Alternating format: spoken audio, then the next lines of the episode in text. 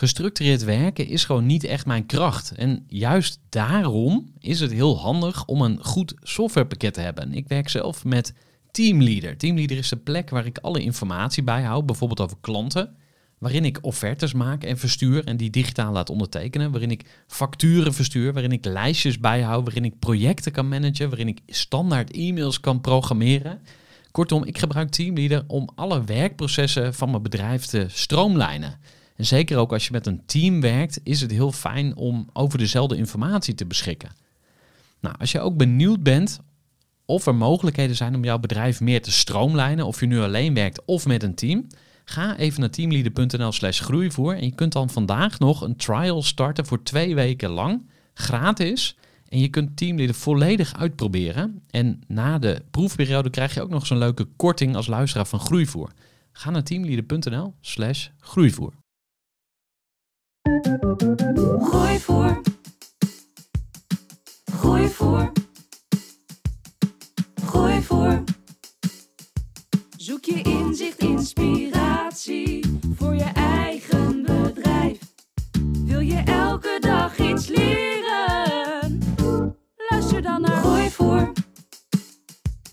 Hey, wat leuk dat je weer luistert naar de Groeivoer podcast. Mijn naam is Gerard Tevelde en samen met mijn team bij Groeivoer help ik ondernemers bij hun groei. In deze podcast kun je luisteren naar interessante gesprekken die ik heb met ondernemers en groei-experts. In deze aflevering ga ik in gesprek met Albert Sonneveld. Albert is eh, psycholoog, gespecialiseerd in eh, stressreductie. En hij is ook business coach. Hij coacht ondernemers op eh, hoog niveau. En daarnaast is Albert ook betrokken bij een aantal podcasts. Hij heeft een eigen podcast over stress. Hij heeft ook een podcast samen met Tony Loorbach. Nou, ik wens je heel veel luisterplezier met deze nieuwe aflevering met Albert Sonneveld. Voor de kennis en interessante gast. Die zijn verhaal met jou wil delen. Luister je naar Gooi voor. Albert Sonneveld, van harte welkom eh, bij de Groeivoer podcast. Ja, Ik kan me bijna niet voorstellen eh, dat mensen je niet kennen, maar voor wie je nog niet kent, zou je eens eh ik dacht, trappen. ik kan me bijna niet voorstellen dat mensen groeivoer niet kennen. Maar Oh, nee, dat kan het zeker bij deze luisteraars niet. Dus ehm, ja, wie is Albert Sonneveld? Ik ben psycholoog en ondernemer. Mijn expertise zit vooral op het gebied van eh, stress en burn-out. Eh, vitaliteit is ook een onderwerp waar ik eh, veel over gesproken en geschreven heb. Ik heb vijf boeken geschreven over dit onderwerp. En ehm, ja, vader van vier prachtige kinderen en inmiddels opa van vier kleinkinderen. Directeur van Zonneveld Opleidingen, bestaat volgend jaar 25 jaar. Ehm, ja, drie keer tot de beste opleider van Nederland verkozen. Ehm, we hebben 60 docenten in het land werken voor ons. En ehm, ja, alles bij elkaar meer dan 10.000 coaches opgeleid. Zo, Inmiddels. dat zijn er nogal wat. Ehm, eh, eh, heb jij eh, het, het begrip coach zeg maar zien devalueren de afgelopen decennia? Want je loopt natuurlijk al een tijdje mee. Ja, Dan hoor je veel mensen zeggen hè, van, ach, ah, die coaches, ik word er helemaal eh, eh, moe van. Eh, Ja, nou ja, vaak wordt er gekskerend gezegd: de ene helft van Nederland coacht de andere helft. Ja, zou ook wel zo kunnen zijn. Ja, ik zeg: een coach is vaak een betaalde vriend. Eh, eh, dus dat, dat. Misschien is dat ook wel zo. Het is natuurlijk door de ontwikkelingen van de afgelopen 25 jaar. Er is zoveel gebeurd eh, in onze maatschappij. mhm. Waarbij, ehm, nou ja, misschien als ik die voorbeelden geef, dan snap je ook beter waarom dat mensen steeds meer behoefte hebben aan een coach. Is, is een van de belangrijkste dingen die gebeurd is, is dat ouderen zijn gaan leren van jongeren. Eh, nou, dat is, dat is nooit voorgekomen op aarde, want eerst was het altijd andersom. Hm. Dat je als, als kind moest wachten totdat je ouders vonden dat je volwa- volwassen genoeg was om bepaalde informatie te horen, hè, bijvoorbeeld seksuele voorlichting. Ja, tegenwoordig is, wordt dat omgedraaid. Eh, er kunnen kinderen meer aan ouders vertellen dan, eh, dan ouders aan kinderen in veel gevallen. Mhm. Eh, dus dat maakt dat de ontwikkeling razendsnel gaat. Dat maakt het voor kinderen onzeker. Is dit de informatie die al bij me past, bij mijn leeftijd? En dat maakt ouders onzeker met wat kunnen ze wel en wat kunnen ze inmiddels al niet aan aan oorzaak en gevolg. Andere belangrijke verandering is dat er eh, meer informatie wordt geproduceerd dan dat we ooit kunnen verwerken. Dat is Hmm. ook nog nooit in de menselijke geschiedenis voorgekomen. Eh, ja, ook een hele belangrijke, het instituut Kerk. Hè. 2000 jaar lang zei de dominee of de priester van als je nou maar leeft volgens de tien geboden, dan kom je in de hemel en doe je dat niet, dan kom je in de hel. Ja, het is een heel overzichtelijk eh, concept. Maar ja, nu worden er tien kerken per maand gesloten ongeveer. En al die vormen van zekerheid, hè, want je kunt het met die kerk eens zijn of niet, maar het gaf een bepaald houvast en een bepaalde community, dat is er niet meer. Nou, baangarantie. Eh, vroeger werd er gezegd, nou ga jij maar bij de post werken, hè, de PTT of eh, eh, als postbode. Dan zit je tot aan je pensioen zit je goed. Nou, baangarantie is er niet meer. Pensioenvoorzieningen staan onder druk. Onze gulden was keihard. Ja, wat gaat er met de euro gebeuren? Gezondheid. Één op de drie mensen in Nederland krijgt, eh, krijgt te maken met kanker. Eh, nou, dan kun je je lichaam ook niet meer vertrouwen. Het instituut huwelijk, 96 echtscheidingen per dag in Nederland. Dus ik blijf eeuwig bij jou en ik blijf je trouw, is ook geen garantie meer. Hmm. En nou, het wordt nog een leuke podcast trouwens hoor. ja, precies. Want Maar- eh, Ja, maar, maar wat er dan gebeurt is, eh, alle zekerheden, tenminste de zekerheden buiten jezelf, die zijn langzaam maar zeker weggevallen. Hmm. Ehm, en dat betekent in deze tijd dat je maar één mogelijkheid hebt, is de zekerheid in jezelf gaan vinden. Hmm. En mensen hebben geen idee hoe dan.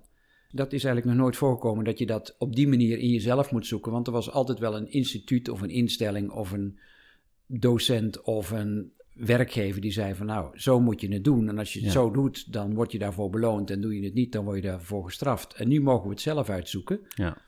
En dat is spannend en daar hebben we vaak hulp bij nodig. Ja, dus eh, persoonlijk leiderschap eigenlijk, dat wordt, dat wordt van je verwacht. Dus je moet zelf nadenken over wie ben ik, wat wil ik, eh, Ja. al, al dat soort dingen. Ja, maar dat, dat is iets van de mensheid. Hè. Zolang als Hmm. de mensheid bestaat, zijn die twee vragen altijd relevant geweest. Van wie ben ik en wat wil ik? Ja.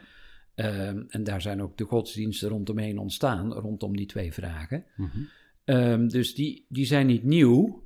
Alleen, ehm, ja, je, je komt er met je eigen gedachten niet uit. Want je kunt nooit Hmm. verder denken dan de hoogte van je bewustzijn is. Dus je kunt wel zeggen, ja, ik moet na gaan denken over mezelf. Ja, dat doe je de hele tijd. Maar je denkt altijd in het verleden. Eh, want zodra je een gedachte hebt, is die al oud en gepasseerd. Dus voordat je hem hebt uitgesproken, zit je al in de verleden tijd. Dus je, je kunt nooit in die zin over jezelf nadenken. Hmm. Daar moet je even over nadenken natuurlijk. Dus ja. Zeker, ja. nou, we gaan even lekker eh, meteen de diepte in, dus dat, Ja. eh, daar hou ik wel van. Ehm, eh, kom jij zelf ook uit een christelijke achtergrond of een, traditionele... Ja. Ja, ja man, ja. Dus ik... eh, Wil je daar iets over delen of eh niet? nou, niet. Nee. Tuurlijk. Ehm, ja, ik kom, ik kom uit een, ja, sowieso protestant, maar dan nog wel, zeg maar, daar had je ook weer allerlei gradaties in. Dus dat zit wel, zat wel een beetje richting gereformeerd. Ja, ja. En ehm, later werd er bij wijze van grap gezegd griffekeerd. Maar dat, eh, ik, ik heb daar geen oordeel over. Ehm, maar ik merk wel, zeker in mijn vak als psycholoog, ben ik veel kinderen van ouderlingen tegengekomen die op een gegeven moment zo de weg kwijt waren en, en zo onzeker waren geworden over zichzelf. Dat ik heel blij ben dat ik eh, al in een vrij vroeg stadium van mijn leven. Ik ben spiritueel en religieus, maar ik heb het instituut kerk niet meer nodig. Ik, ik ben gelukkig met de kerk, maar ik heb de kerk niet nodig om gelukkig te zijn. Mhm. Dus, eh, dus daar heb ik echt wel afstand van genomen. Ja. Ik kom zelf uit een gereformeerd vrijgemaakte achtergrond. Ja. Dus ik weet een beetje van eh, die stromingen en welke splinter... Nou ja, Ja. splinter, dat waren altijd nog eh 3.500, 400.000 mensen. Volgens mij nog steeds. Ehm, en wat mij opvalt, op het moment dat je het woord God uitspreekt... Ja, dat er bij mensen ook meteen allerlei deuren dichtgaan, of luiken dichtgaan van eh, dat, dat, dat eh, religie en het woord God. Mm. eh, ik heb daar toevallig net een column over geschreven, maar dat is zo beladen. ja. Ehm, en mij bekruipt wel eens het gevoel dat dan ook een beetje het kind met het badwater wordt weggegooid. Omdat je eigenlijk ehm, alles maar gemakshalve opzij schuift wat wel goed zou kunnen zijn aan eh, eh, religie of aan geloof. ja. Hoe, hoe, hoe zie jij dat? Heb je daar een bepaalde ja absoluut. over? Kijk, eh, wat, wat, wat gebeurd is, denk ik, en dat is altijd het lastige van mens zijn. In, in de kern kan het niet anders dat, dan dat er iets is wat groter is, in mijn beleving, dan wij met ons hoofd kunnen bedenken.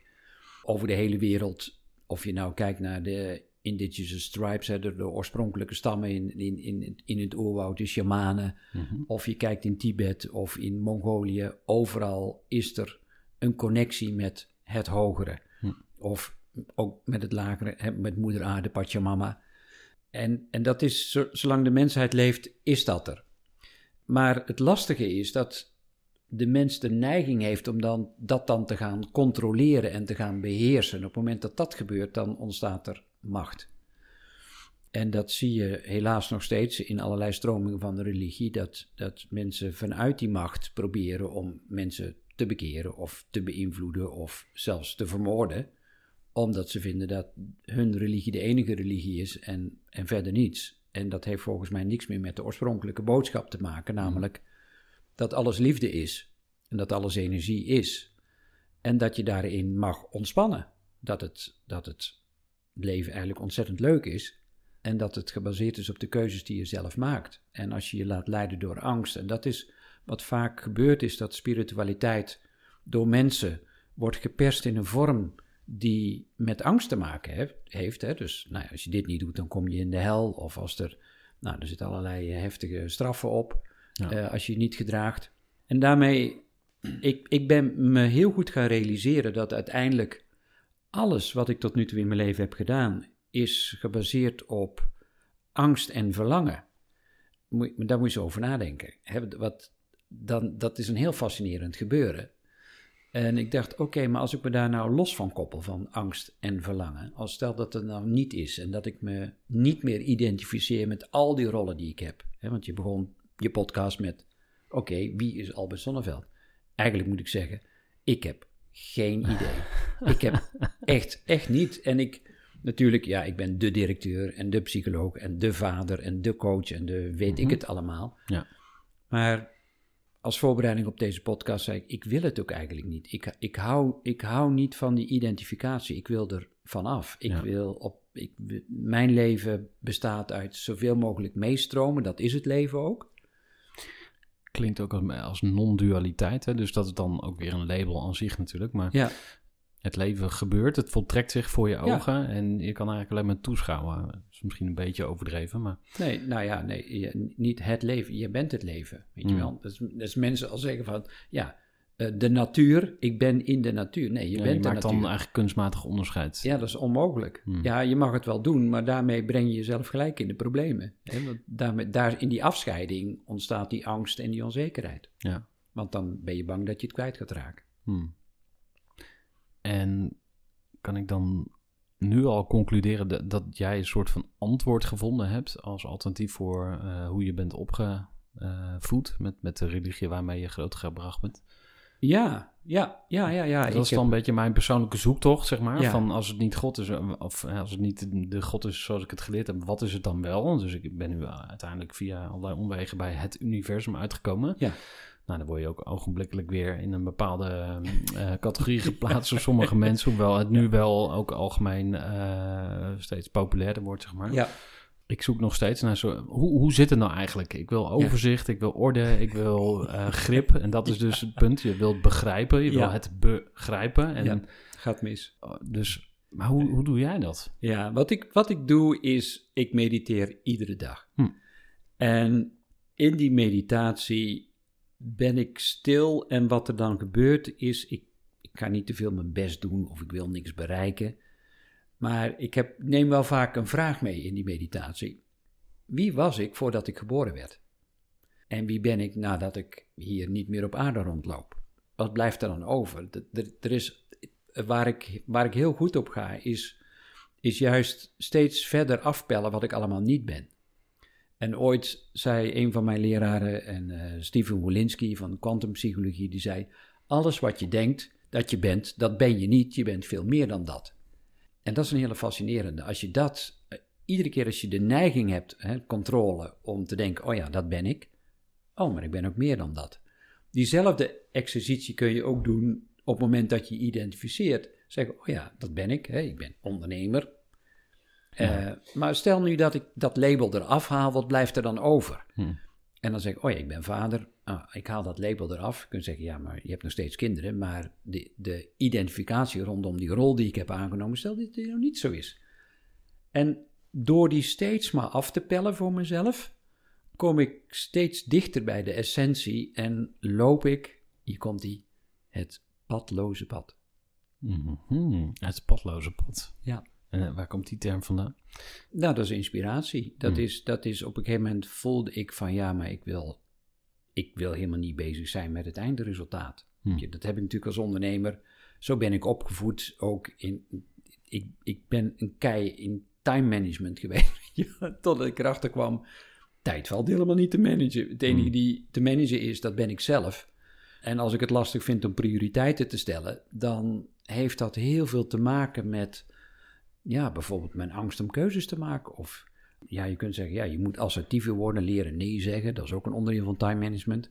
Ja, de. Het is mijn angst om afgewezen te worden of om niet geliefd te zijn of bang dat mensen niet meer van me houden. Nou ja, dat zijn allemaal identificaties. En, en op het moment dat je daar los van komt ehm, en dat het oké is, ik, ik vind mezelf steeds leuke gezelschap. En daarmee ben ik niet egoïstischer geworden, want ik denk dat ik het nog steeds heel fijn vind, ook deze podcast, om te delen wat er in me leeft, om te raken en geraakt te worden, want dat is wie ik in essentie ben.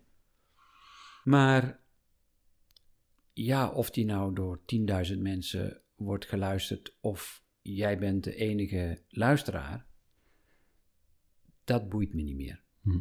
Dus, dus het is los van het resultaat. Ik vind het ontzettend gaaf dat ik een vraag van jou krijg. Dat geeft mij de gelegenheid om via jouw vraag mezelf te aarden en me te laten inspireren door wat we dan maar universum noemen. En dit is het resultaat. Ja. Een ontmoeting van twee mensen met twee microfoons ertussen en een recorder. En misschien straks mensen die denken, oh, wow, wat een onzin. Of juist, gaaf, ah, Ja. er resoneert iets. Ja. Maar ik ga niet over het eindresultaat. Het boeit me voor geen meter. Dus je pakt het niet eens vast. Dus dan hoef je het ook niet los te laten. Nee. Even een korte onderbreking met een belangrijke vraag aan jou. Want wat heb jij geregeld voor het geval je van de ene op de andere dag zou komen uit te vallen? Wat gebeurt er dan met je bedrijf, maar vooral wat gebeurt er met jou persoonlijk en ook in financieel opzicht? Samen met ASR voerde ik drie openhartige gesprekken over tegenslag en veerkracht. En dat deed ik met Saskia, Vincent en Pieter. Ondernemers met een bloeiend bedrijf die van de ene op de andere dag niet meer konden werken. En die verhalen hoor je in aflevering 256, 257 en 258 van deze podcast. Als ondernemer wil je natuurlijk niet uitvallen. En daarom is het belangrijk dat je veerkrachtig bent, want voorkomen is beter dan genezen. En als het dan toch misgaat, is het fijn dat je iets geregeld hebt, zodat je weer snel door kunt met ondernemen. Wil je weten hoe veerkrachtig jij nu bent? Vul dan in twee minuten de veerkrachttest van ASR in. Ga naar asr.nl slash veerkrachttest ondernemers. Ja, ik moet eerlijk zeggen, ik, ik voel ook wel de druk, zeg maar. Dus dat is dan eh, misschien wel ook in het moment wat er nu gebeurt. Ik denk, oké, we hebben misschien ongeveer een uur. Ehm, er komen nu al zulke enorme onderwerpen op tafel waar ik al mijn hele leven mee bezig ben. En waarschijnlijk de rest van mijn leven ook nog. Hoe gaan we dat allemaal ooit comprimeren in dat uurtje?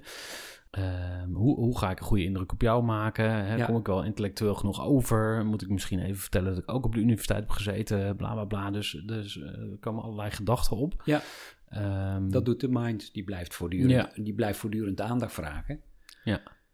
Maar ga je erin mee? Weet je wat, wat als je nu heel even zakt vanuit dat hoofd, weet je wel, die koptelefoon, die houdt je hoofd al bij elkaar, daar hoef je geen zorgen over te maken.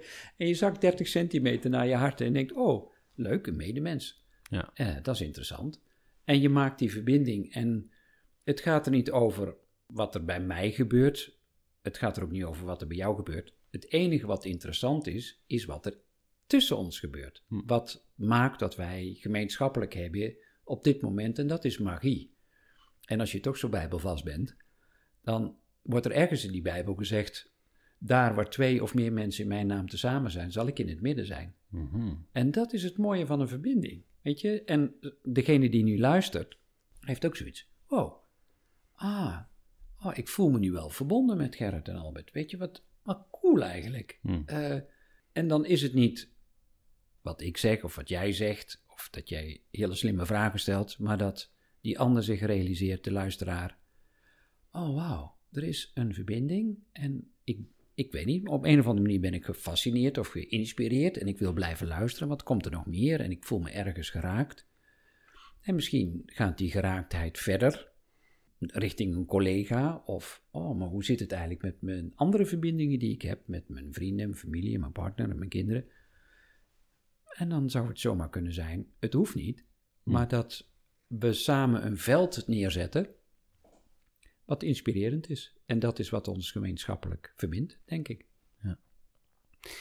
Ik, ik hoor dingen die, eh, die ik ook terug hoor bij eh, bijvoorbeeld eh, Thijs Lindhout, hè, die op een gegeven moment, ik denk een half jaar geleden of zo, of misschien wel langer nog, dan begon hij te spreken over connectie. Ja, Dus, en, toen dacht, en toen je dat net zei, dacht ik van, oh, misschien is hij wel geïnspireerd geraakt door jou. ja, ja. Eh, Ja, normaal praat ik nooit over mijn coaches, maar Thijs steekt dat niet onder stoelen of bank. Die heeft dus Nee, precies. podcast aan, aangeweid. nee, dus daarom... Dus, eh, ja. dus eh, ja, ik heb Thijs een jaar mogen coachen. En het is gewoon fantastisch hoe dat hij zich ontwikkelt. En heerlijk met die theatertours. Het is een fantastisch mens die, Ja. die ook op zijn manier, hè, met zijn vehikel, het podium en zijn drumstel en zijn podcast uiteraard en zijn bedrijf, eh, ja, ook op zijn manier doet wat hij te doen heeft, zijn passieleven. Ja, en ehm, waar ik dan aan moet denken is ook, want eh, je zei net iets, eh, je zei eigenlijk van maakt me niet zoveel uit hoeveel mensen er nou meeluisteren. Ehm, Hmm. Wat ik heel mooi vind, hè, want ik krijg natuurlijk als eh, relatieve beginner met, met podcast, ik ben nu, ehm, laten we zeggen, een maandje of tien mee bezig, dus ik ben nog, ja, ik ben wel eventjes op weg, maar nog niet eh, een eh, totale pro. Hmm. Dat is ook maar weer een label natuurlijk, dat, eh, Ja. dat snap ik. Maar Ja. ehm, ik krijg wel eens die vraag van, ah, hoeveel luisteraars heb je? En eigenlijk haak ik dan al af. Dan denk ik eigenlijk al van, ja, oké, als het je nou echt puur en alleen maar instrumenteel gaat om hoeveel mensen je via mij kan bereiken. Hmm. Nou, voor mij is dan een beetje de, de ziel, ja, ik, ik ik kan het wel begrijpen. De, de connectie tussen aan de ene kant de praktische doelen die je wil behalen. En aan de andere kant de, de spirituele kant, hè, waar Ilko de Boer het ook altijd over heeft van eh, spirituele oplossingen voor praktische problemen en andersom. Hmm. Ehm, als je naar podcast kijkt als een marketing tool, dan Ja. wil je daar een doel mee bereiken. Dus je wil bereik en uiteindelijk in je sales funnel wil je ergens aan het eind blije klanten en euro's verdienen. Hmm. Ehm, en dat koppel ik ook aan ego. Dus ik probeer het nu allemaal in mijn hoofd te ordenen. Hè? Een Ja, soort ik, van eh, ik naar zie- een vraag toe te... Je ziet het gebeuren. Gast. Het, het, vol- het voltrekt zich. Ja. Ik- dus ik zit gewoon heel braaf te wachten. Ik denk, hoe, gaat die, hoe gaat die hier uitkomen? Nou, nee, waar ik naartoe wil. Ja, precies, waar ik naartoe wilde. Ehm, eh, wanneer is dan voor jou een soort van moment gekomen dat je dacht van... hey, shit, ik ben nu gewoon voorbij mijn eigen ego. Of ik ben er overheen gestapt. Of het is er nog, maar het, het, het is nog alleen nog ten dienste van anderen. Of, Ja. Ik, ik, of ze zijn er allebei. Ik bedoel... ja, kijk, het, het, het- ego... Het, kijk, de functie van het ego is dat is een soort duikbril. En, en dus als je onder water... Ik weet niet of je wel eens onder water gezwommen hebt, weet je, van een duikbril. Dan is die duikbril is echt super makkelijk, want nou, dan, daarmee heb je de mogelijkheid om de wereld om je heen helder te zien. Ehm, en meer functie dan dat heeft het ego niet. Eh, maar ja, geeft dat ego nou niet te veel ruimte en mogelijkheid om te zeggen: hè, oh ja, je moet wel opletten en je moet wel dit doen of je moet dat juist niet doen. Of, ehm, want het ego vraagt wel voortdurend aandacht. Dus als jij de, de duikbril eh, het stuur in handen geeft, dan ben je de klos. Maar op het moment dat je dat ego zijn ding laat doen, namelijk zorgen dat je helder in de wereld staat en bij rood stopt en bij groen doorrijdt, dan is dat oké. Maar geef het niet meer macht dan dat, want als je echt iets wil ehm, realiseren in je leven, dan, dan wat je dan nodig hebt is passie en inspiratie en, en heldere momenten. En die komen niet van het ego, die komen van andere plaatsen. dus ja, eh, heb ik dat losgelaten? Nee, ik, ik, ik heb nog steeds ego nodig om, om me te bewegen in, eh, in deze grote mensenwereld.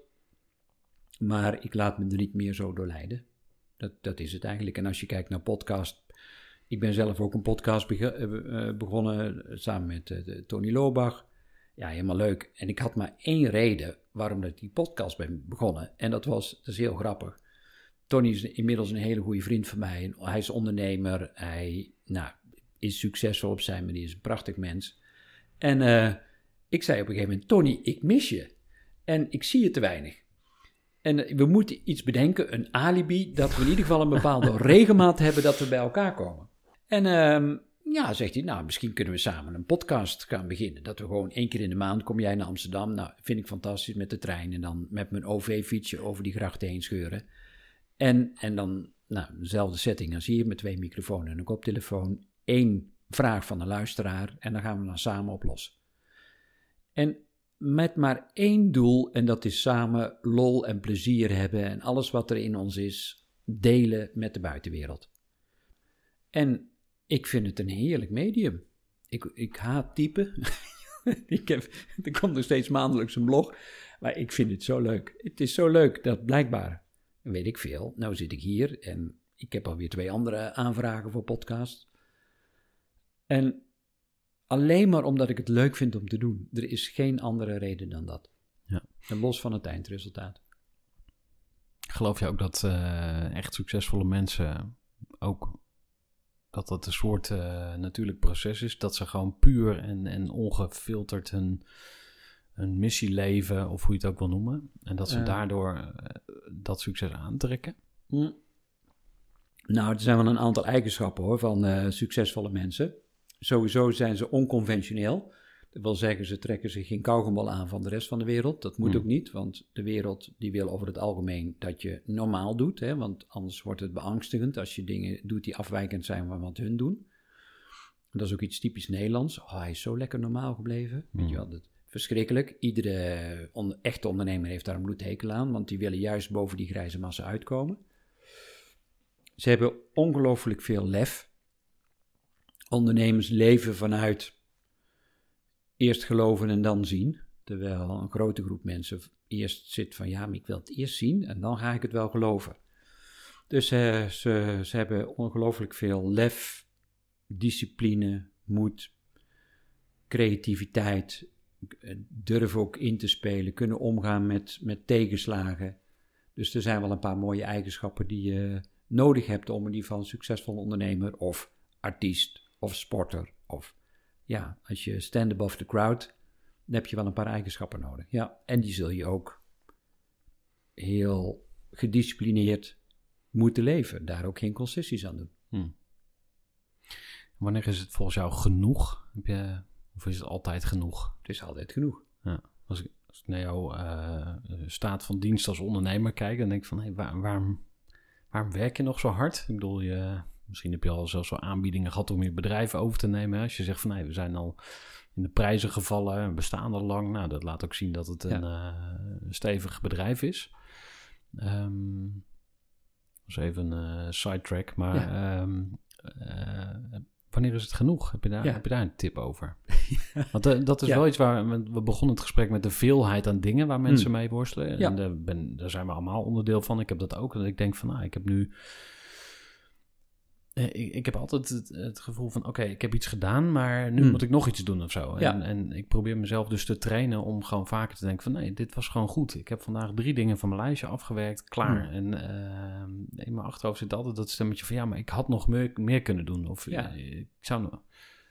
Heb je daar tips voor? Of hoe? Ja, nou ja, bij mij is het, is het zo. ehm, bij mij, mijn leven draait om raken en geraakt worden. Dat, is, dat is, ik word daar zo blij van. Ik kom net terug, eh, een beetje van een congres voor duurzaam inzetbaarheid. Daar mocht ik voor een zaal met honderd mensen spreken. En nou, ik heb bovenop de stoel gestaan en die mensen ook. En het was gewoon één groot feest. En mensen hebben gelachen en na de hand kwamen ze met tranen in hun ogen me bedanken ja, hoe cool is dat? Weet je? En ben ik dan gespannen van tevoren? Ja, dan ben ik nog steeds gespannen. En, en denk ik dan wel eens van, oh man, waar begin ik aan? Wil ik dit nog wel? Maar dit is gewoon onderdeel van het proces. Het- dat hoort er ook bij. Weet je, de, de ontlading en het plezier en het gemak naderhand is het gewoon waard om die inspanning te leveren. Ja, dus ik, zolang als ik maar mijn diepste verlangen, namelijk raken en geraakt worden, kan leven, dan, ja, dan denk ik niet in termen van genoeg. Want dan komt er steeds weer op iets op mijn pad wat me de gelegenheid geeft, een alibi geeft bijna, om, om dat diepste verlangen te leven. En dat is nu hier en nou ja, soms is het dan weer een krantinterview. En ja, ik heb bij Humberto Tan aan tafel gezeten, weet je wat, dat was... Erg, had ik ook niet kunnen bedenken dat ik daar ooit een beetje eh, in RTL Late Night zou zitten. Of ja, het, maar blijkbaar straal ik dat uit en hebben mensen zoiets van: oké, dat is een gast, die moeten we een keer bij hebben, want die heeft een boodschap. Nou ja, goed, dan is dat zo. Maar jij wordt dus, eh, want dat eh, heb ik zelf ervaren, zeg maar. Dat, dat, zeker de afgelopen twee jaar heb ik me steeds meer eh, verdiept in de, de personal development. Hè. Dus dan Hmm. ga je naar al die eh goeroes kijken en over Tony Robbins en allemaal dat soort figuren. En ehm een rode draad die ik daaruit gehaald heb, is dat, dat er altijd een volgend niveau is. En daar krijg ik dus stress van. Dus Ja. dat is dan interessant. eh, Ja. Ja, er is geen volgend niveau. Hm. Er is dat, dat, want een volgend niveau zou inhouden dat je nu niet goed genoeg bent. Mhm. Daar krijg ik jeuk van op plaatsen waar je het niet wil hebben. Weet je wel, dat je, er is alleen maar nu. Hm. Voor mij, tijd en ruimte bestaat niet, behalve in onze ervaring. Dus dat is, dat is, dat is een illusie. Voor mij is het zo, en dat is dan spiritualiteit. Voor, voor mij, het feit dat ik er ben nu, wil zeggen dat ik altijd heb bestaan. Hm. en dat ik dus ook altijd zal bestaan. Dus waarom zou ik me haasten? Hm. Je, dus, dus, dus het, dat is zo'n geruststelling voor mij. Dat ik, dat ik, dat, er is alleen maar nu, dus ik hoef helemaal niet bezig te zijn met de toekomst. Wil niet zeggen dat ik geen vakantie plan. Of vanavond zie ik mijn dochters in Amsterdam en dat vind ik helemaal leuk. Maar op het moment dat ik de beslissing nam om die afspraak te maken met hun, dan, toen was het nu. En het is nu ook nu. En als ik straks in Amsterdam ben, is het ook weer nu. Dus ja, waar, waar zou ik me zorgen over maken? Ja. Nou ja, ja nee, eh, eh, oké. En ehm, waar ik aan moet denken is, eh, maar dit is wel een beetje de tendens of de teneur toch in heel veel van die, of eigenlijk in de persoonlijke ontwikkeling. Dus persoonlijke ontwikkeling kan dus inderdaad ook zijn gelukkiger worden door meer in het nu te leven. Hè? Dus dat, dat ehm, Ja, maar er, zijn, er, zijn, er zijn twee Belgische psychiaters, eh, de, Dirk de Wachter en, en Damian de Nijs. Damian de Nijs is, is voorzitter van de Nederlandse Vereniging van Psychiaters. En die wordt, op zijn zacht gezegd, helemaal simpel van al die geluksgoeroes, die iedere keer maar je het gevoel geven dat je nog niet genoeg bent. Weet je? Ja. De maakbaarheid van het geluk.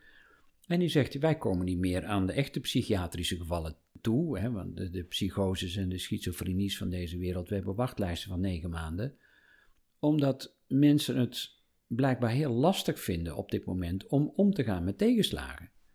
En, en want je moet altijd maar gelukkig zijn. Als je Instagram mag geloven, dan, eh, ja, dan, dan markeer je constant iets. En dat is ook de grootste frustratie van de mensen op de social media. Van, oh ja, blijkbaar ben ik nog niet goed genoeg.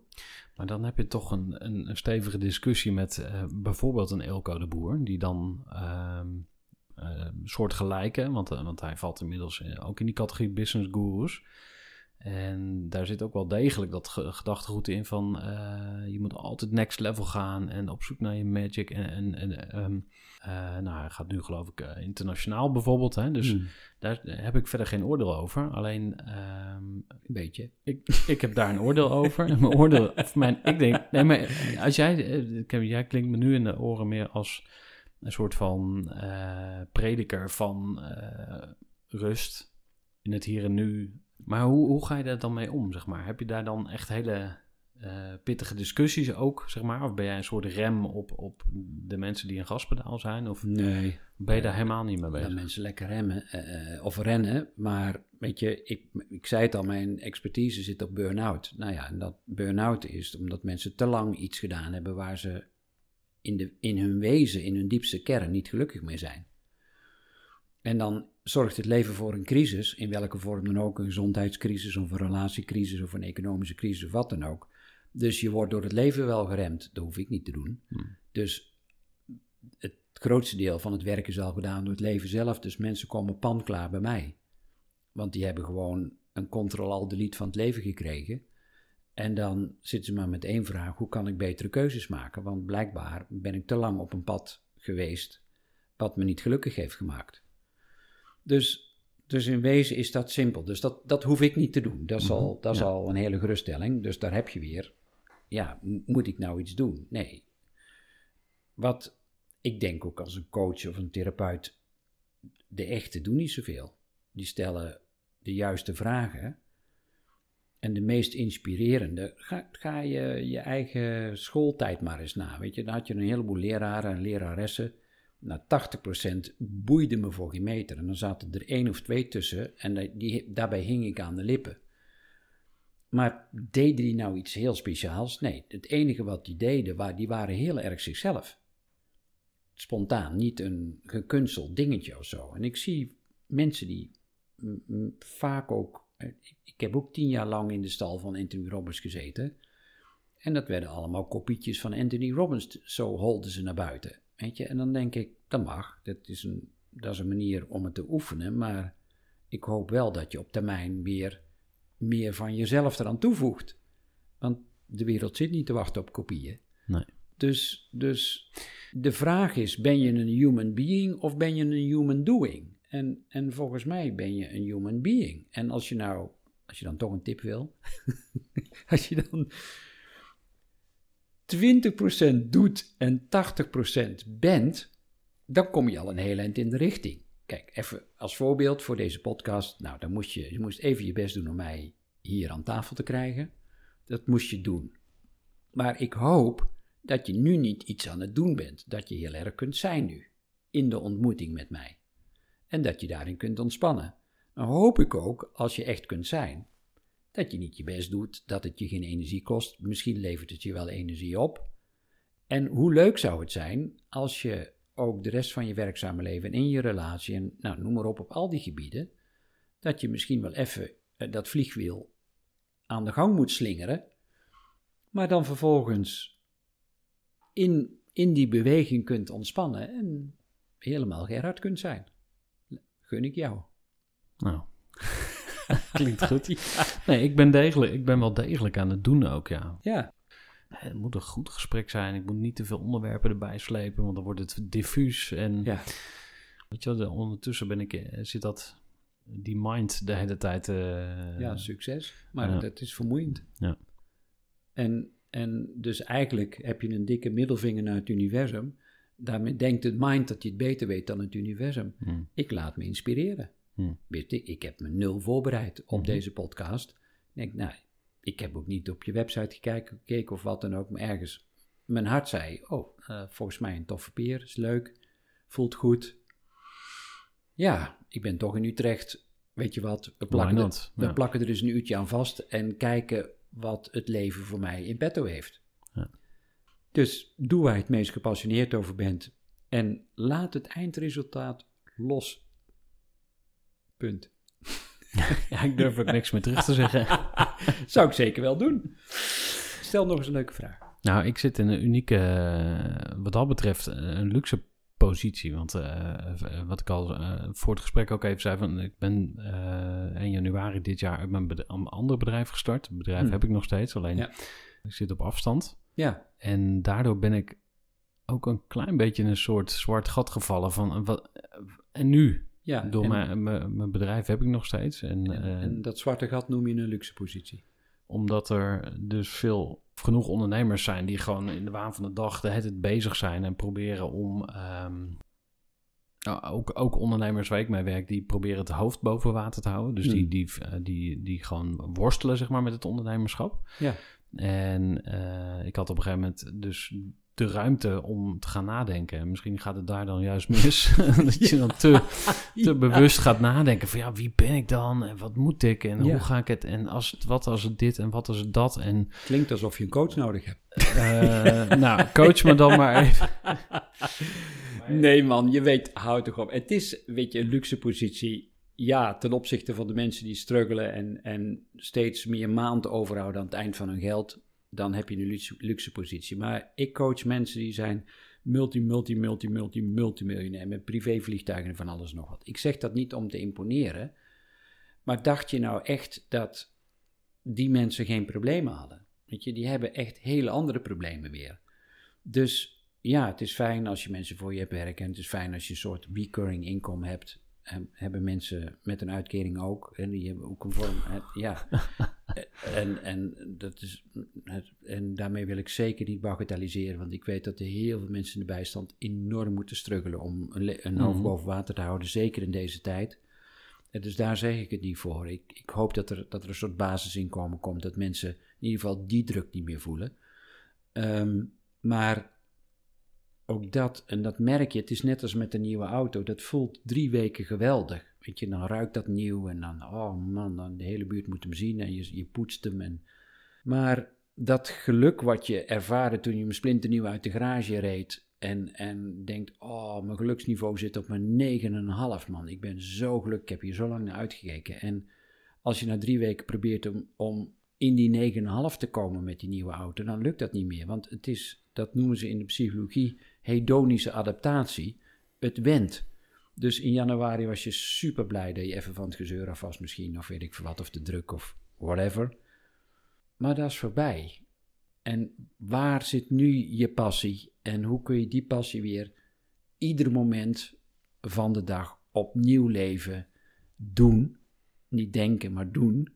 En vervolgens binnen de mogelijkheden die je hebt, eh, zonder dat je het resultaat afdwingt. Want als je deze formule niet volgt, kom je gegarandeerd in de stress.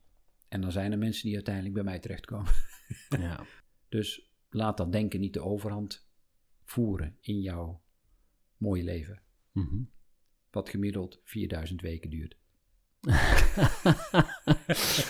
Heel mooi. Ik, eh, ik ken iemand die heeft een timer eh, op haar telefoon. Ja. Ehm, Jackie Reardon. Ja, fantastisch. Je kent haar Ja, heerlijk mens, ja.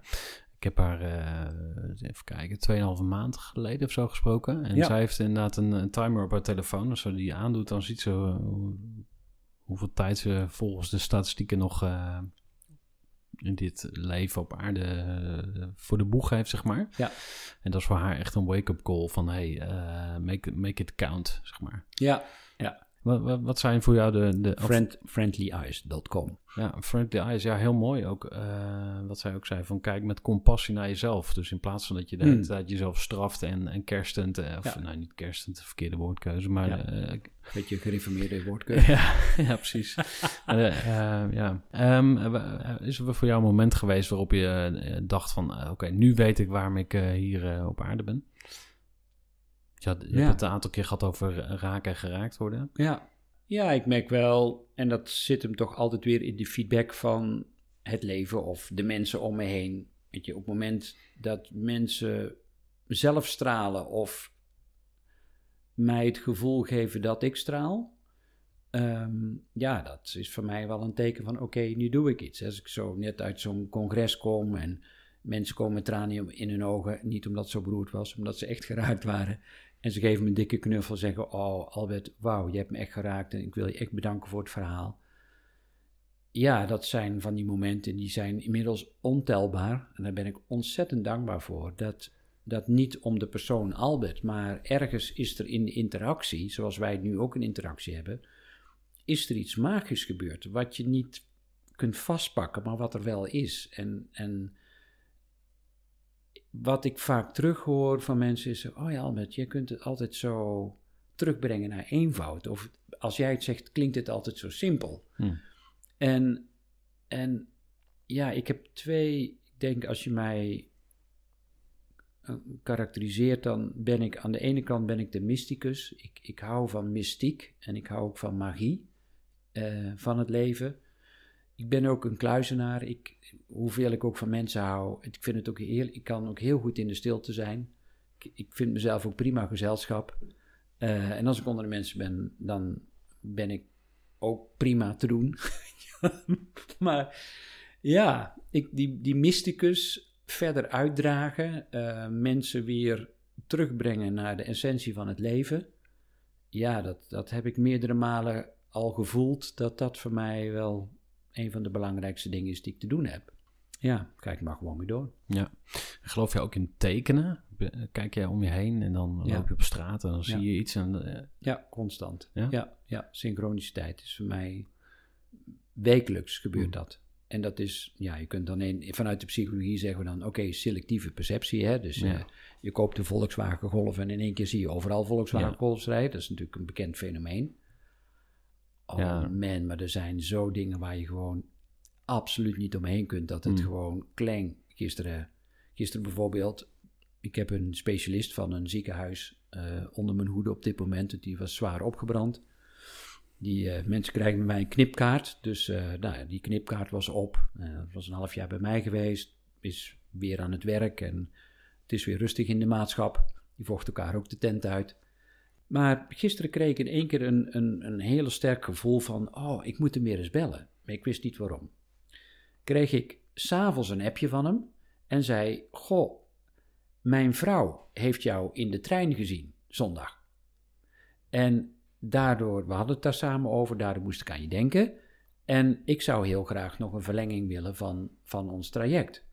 Nou ja, weet je, dat is dan een vorm van synchroniciteit. Denk, ja, dat, dat kun je gewoon niet bedenken. Zijn naam kwam in me op en s'avonds krijg ik van hem een appje... Ja. waarin zijn vrouw mij in de trein had gezien. En dat was voor hem weer een reden om mij te bellen. Ik hou daarvan. hmm. Voor mij is het het teken dat ik dan op de goede weg ben. Dus ehm, het gaat over ja, de interpretatie die jij eraan geeft. En op het moment dat jij de kracht uitput, of het is voor jou een teken, of het geeft jou rust, of het geeft jou whatever bevestiging, gebruik het. Ja, dus eigenlijk ook een persoonlijke, een, eigenlijk je persoonlijke zoektocht. Ja. Eh, net zoals ik in deze podcast ook heel veel van mijn eigen persoonlijke zoektocht naar, ja, wat is, wat, hè, dat, dat, dat geloof, dat wat, je dan, eh, wat er dan met de paplepel ingeslagen is en wat moet ik er nou mee? En wat, wat Ja. zijn dan betere woorden voor de Nee. dingen die ik voel? En, Ja, het is heel mooi, want ehm het is natuurlijk niet voor niks gebeurd. En, en, en er zijn misschien best wel teksten die, als je die, stel dat je de Bijbel nog een keer opnieuw zou lezen, dan zou je hem anders lezen dan dat je hem Mhm. toen de tijd aangeboden hebt gekregen. En daar zit heel veel wijsheid in. Ja. Hè? Maar ik heb me ook verdiept in het boeddhisme en ik hou veel van soefisme, hè? dus de spirituele tak van de islam. Mhm. En ehm, ja, er, er, is, er is zoveel wijsheid al honderden jaren geschreven. Eh, ik kreeg net weer een boekje over soefisme. Dat is 800 jaar geleden geschreven. En ik denk, wauw man, dat is gewoon nog zo actueel als maar zijn kan. Dus het is, het is zo mooi man, dat, dat we zeker door internet nu zo toegang hebben tot het vinden van onze eigen weg. Er wordt, er wordt zoveel gedeeld op dit moment, dat je daarmee ook... Vroeger werd je heel veel onthouden. Hè? In, in, in het Vaticaan er zijn nog heel veel boeken waar, ja, die heel exclusief zijn voor een aantal hoogwaardigheidsbekleders van de katholieke kerk. En voor de rest heeft een ander daar geen toegang toe. Maar dankzij internet mogen we gewoon echt, het is één groot speeltuin, man. Het is Ja. heerlijk. ik krijg nu ook heel veel zin om, van, van, eh, om nog meer van social media weg te blijven. Ja. Zullen vast meer mensen hebben, maar ik, ik merk gewoon dat ik daardoor iedere keer naar die andere ga kijken. En dan Mm. krijg je iedere keer al die advertenties ook in je neus ge- eh, onder je neus gewreven, zeg maar. Ja. Maar ook, ik, ik weet wat de antwoorden zijn en toch iedere keer eh, raak ik weer verstrikt in de, in de netten van, van het vergelijken en het... eh, het- Nee, dat, eh, dank voor de inzichten. het grappige is, heel veel eh, wist ik al en dan eh, toch doe je er niks mee. Nou, het is fijn als je bevestiging krijgt. Daar zijn we Hm. voortdurend naar op zoek. Ja. En ehm, ja, als dit mijn bijdrage voor jou is en andere luisteraars kunnen er ook nog van mee profiteren, dan is dat gewoon één groot feest. Ja. Eh, je hebt aangegeven, nou, we hadden ongeveer een uur. Hm. Ehm, ik zou je toch nog heel graag willen vragen Blessuretijd. om eh, in de blessuretijd eh, nog misschien eens een tip te delen voor ondernemers. En of misschien een, een leestip waarvan je zegt van, hey, dit, kan echt groeivoer voor je leven zijn, zeg maar. Waar je... Ja, het ligt ook e- heel erg aan in welke fase van je leven zit je. In welke fase van je bedrijf zit je. Ja, je, ik, ik was toen altijd helemaal blij met de Seven, Seven Habits of Highly Effective People van Stephen Covey. Maar ja, ik, ik vind juist tegenwoordig podcast luisteren vind ik super inspirerend. Ik, ik, de 4-Hour Workweek van Timothy Ferris heb ik verslonden. Eh, weet je, zo zijn er veel boeken, podcasts, YouTubers. Weet je, het, vind een rolmodel die dicht bij jou past en in de fase van je leven waar je zit, in de fase van je bedrijf waar je zit. En volg dat. Zorg wel dat je een bepaalde discipline hebt waarin je tijd maakt om daar ook steeds naar te luisteren, te kijken of te lezen. want daar zit vaak het probleem. Mensen hebben twintig ongelezen of half gelezen boeken op een nachtkastje liggen. Ik denk, ja, wat heb je daar nu weer aan? Pak er gewoon één. En dan een persoonlijke tip. Wees vooral jezelf. mooi, mooi. Nee, nee, nee, man. Maar doe geen concessies. Ik zie zoveel mensen die. die het, het leven is niet zo gecompliceerd, maar je maakt het wel onnodig gecompliceerd als je niet jezelf wil zijn. Mhm. En daar te voortdurend over nadenkt en daar controle op wil uitoefenen en het in een bepaalde richting wil duwen, terwijl het leven daar helemaal niet op zit te wachten. Hm. Uh, dus mijn tip, ik, ik heb hem al een paar keer gezegd, maar ik ga hem nog een keer zeggen voor alle duidelijkheid. Doe ieder moment van de dag datgene waar je het meest gepassioneerd over bent. Binnen de mogelijkheden die je op dit moment hebt in je leven en binnen je bedrijf, zonder het resultaat af te dwingen. En, en, en als je dit blijft doen, dan zul je merken dat het leven echt makkelijker wordt, leuker wordt, en voor de rest, het leven doet zichzelf en bemoeien er niet mee. Ja, hele mooie afsluit. Dank je wel. En uh, ik uh, zal je laten weten of het uh, gewerkt heeft over een jaar. ik ga er nog even op komen. Oké, okay, succes. Ja, tot zover deze aflevering waarin je kunt luisteren naar een gesprek met Albert Sonneveld. Mijn naam is Gerard de Velde van Groeivoer en het lijkt me heel leuk om een keer persoonlijk kennis met je te maken. Dus uh, mocht je daarvoor openstaan, stuur mij even een berichtje. Voeg me toe op LinkedIn of plan een uh, telefonische afspraak in. Dan kunnen we gewoon even lekker bijkletsen of voor het eerst kennis maken. Nou, um, ja, tot snel en dank voor het luisteren en tot een volgende keer. Gooi voor.